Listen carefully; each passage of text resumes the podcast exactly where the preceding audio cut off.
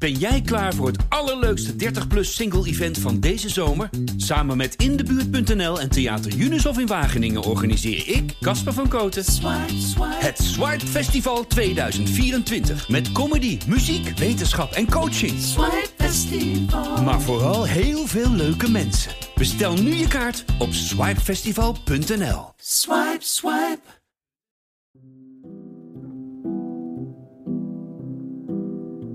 Hi, mijn naam is Corine Kolen en je luistert naar Moderne Liefde. In de 18 jaar dat ik interview over de liefde heb ik die enorm zien veranderen. Accenten verschoven, grenzen tussen vriendschap en liefde zijn minder scherp.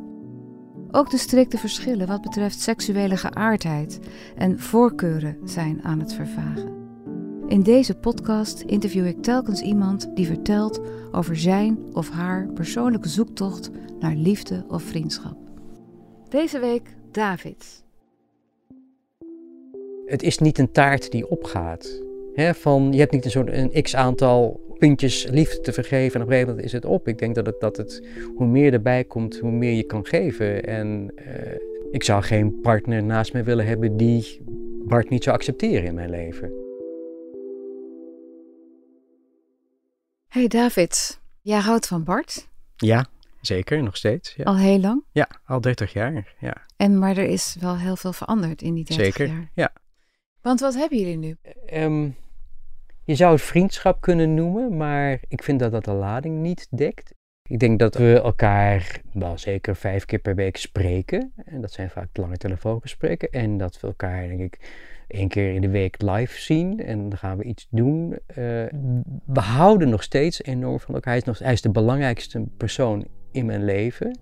En je zou ook nou ja, zijn, zijn zus vroeg een tijdje geleden aan hem van ja, als je nog zo, steeds, zo veel met elkaar, intens met elkaar omgaan, waarom uh, ga je nu gewoon niet, niet, terug bij elkaar? En eigenlijk zei hij van ja, we zijn nog steeds bij elkaar.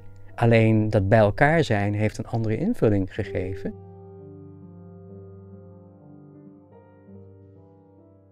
Heb jij een relatie intussen? Nee, nee hij, hij wel? wel? Hij wel. Ik vind het leuk om dat daar met jou over te hebben. Uh, laten we bij het begin beginnen. Hoe hebben jullie elkaar leren kennen? Het was in een kroegje in de Jordaan, waar ik woon. En daar ging ik best wel regelmatig uh, naartoe. En op een gegeven moment zat hij daar. Ik geloof dat ik die eerste avond wel wat dingen tegen hem gezegd heb, maar deel van het clubje. En dat ik, denk ik, een paar dagen daarna weer terugkwam. En daar was hij dan alleen. En toen heb ik wel de stoute schoenen aangetrokken en hem uh, aangesproken. Hij viel jou meteen op? Ja, het was toch iets, iets een oogopslag in zijn mond. Waarvan ik dacht van, oh, interessante, interessante jongen. Wat voor mond had hij dan? Ja, het is moeilijk om te zeggen. Voor mij een aantrekkelijke mond en ook een slimme mond. Klaarblijkelijk is dat toch iets wat ik... Uh, wat is een slimme mond?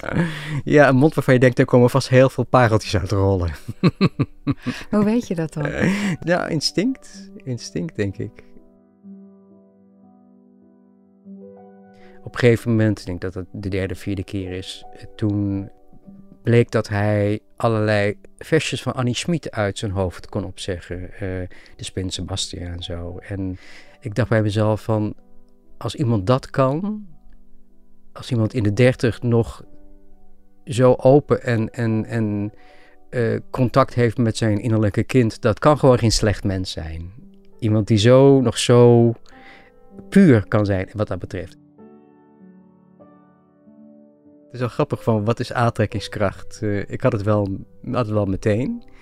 Uh, ik weet wel dat ik ook wel redelijk voorzichtig was. Want dat was voor mij ook alweer, uh, denk ik, tien jaar geleden dat ik alleen was.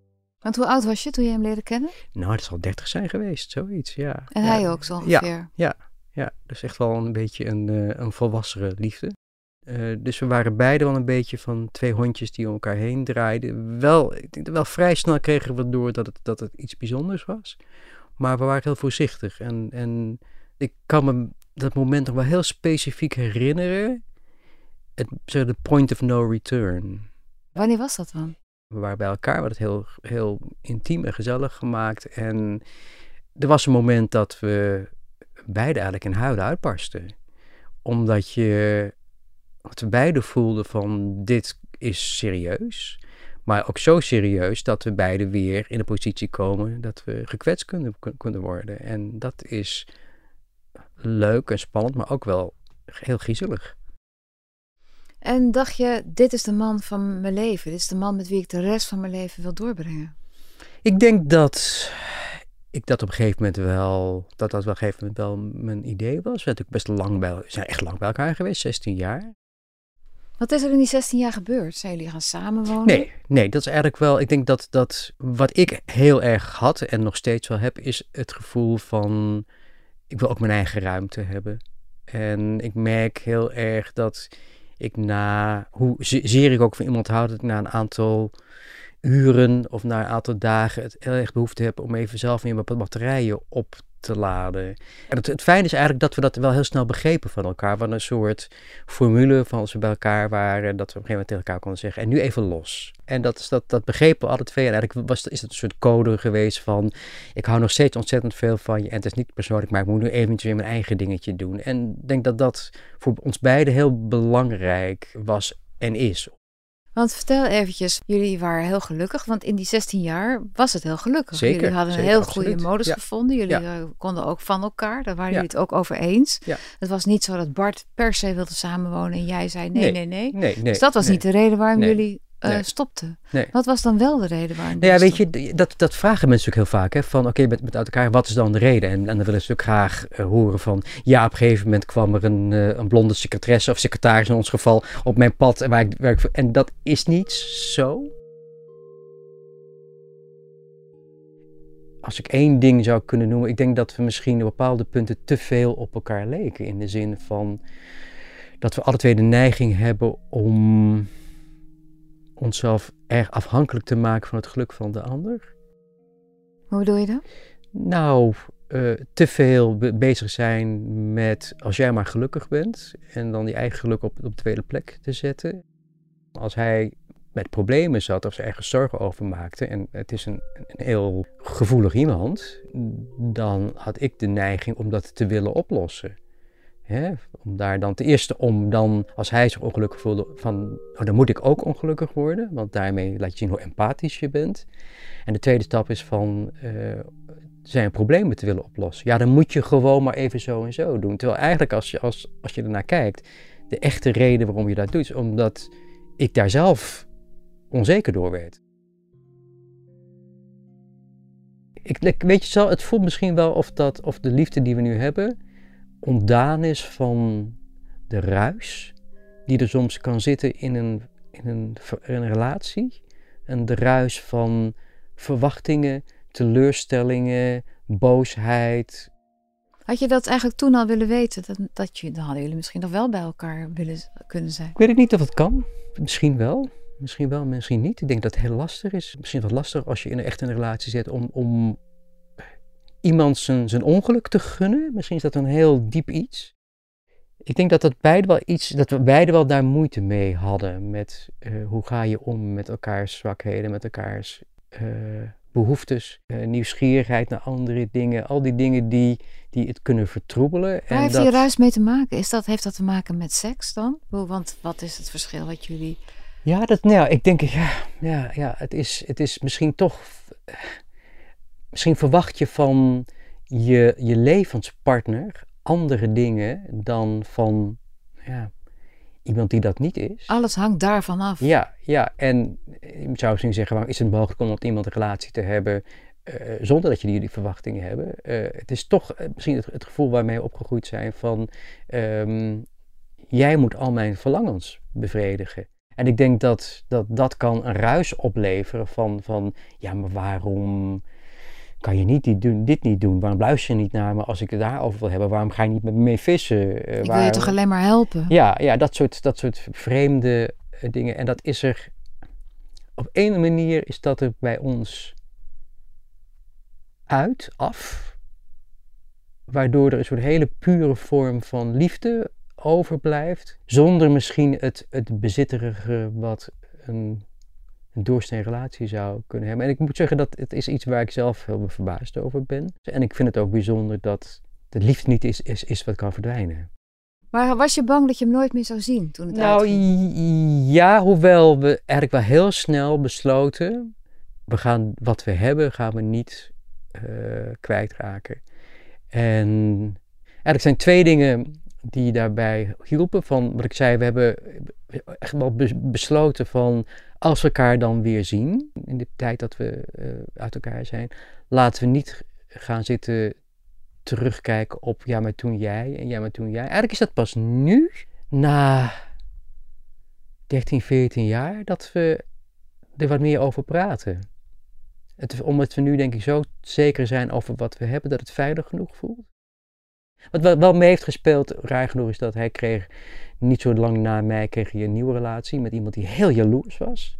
Die absoluut niet kon snappen dat je met, met je ex bevriend kon blijven. En uh, die daar ook heel achterdochtig werd. Ja, volgens mij hebben we toch iets met elkaar. Waardoor het contact in de eerste jaren nadat we apart waren uh, veel minder was. En ik denk dat dat op rare manier ons ook wel gedwongen heeft om even een soort time-out te nemen van elkaar. En zijn partner nu accepteert jou wel? Ja, ja gelukkig En die heeft er geen moeite mee dat jullie vijf uur, vijf keer per week heel veel bellen? Ik denk dat hij, dat hij wel, wel snapt hoe dat in, in elkaar zit. Ja, god, we hebben natuurlijk alle, alle gelegenheid gehad om, om bij elkaar te komen, bij elkaar te blijven, elkaar weer op te zoeken. Dat hebben we niet gedaan. We hebben onze eigen vorm gevonden. En ja, misschien is dat iets, ik zou het iedereen willen toewensen, zeg maar, de, de, de openheid van hart om te, te accepteren dat je van verschillende mensen op verschillende manieren kan houden.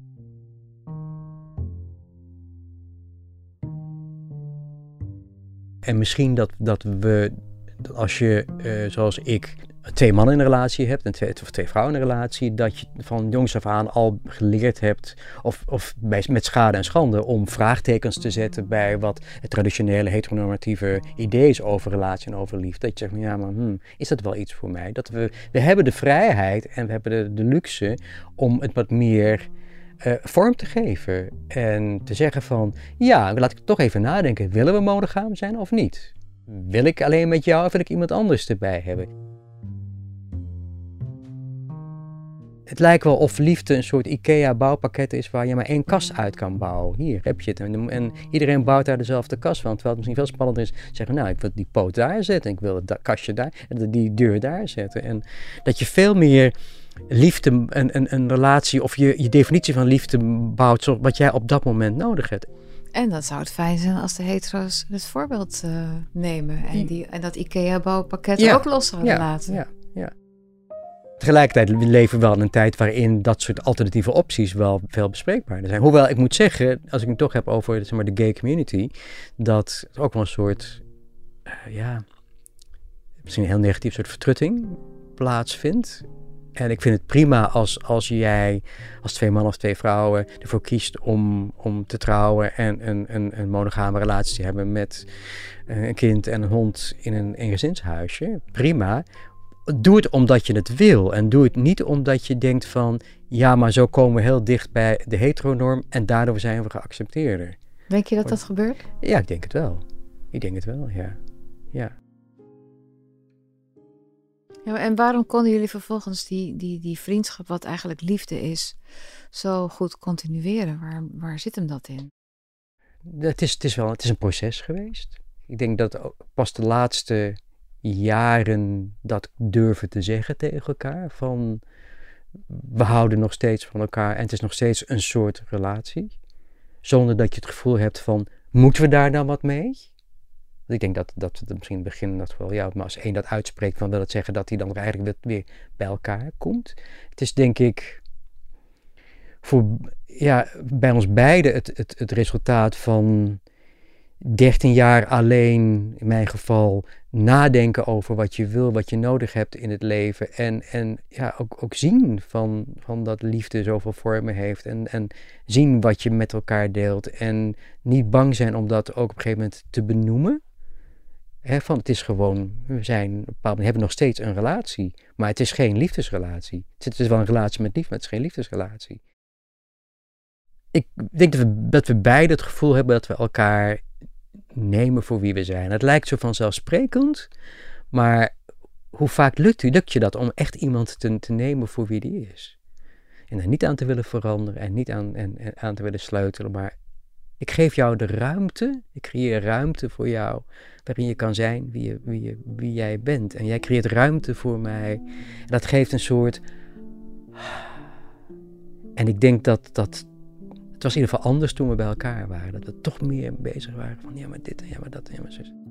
Eigenlijk ben je zekerder van hem dan ooit. Ja, ja, zeker. Ja, klopt. Klopt.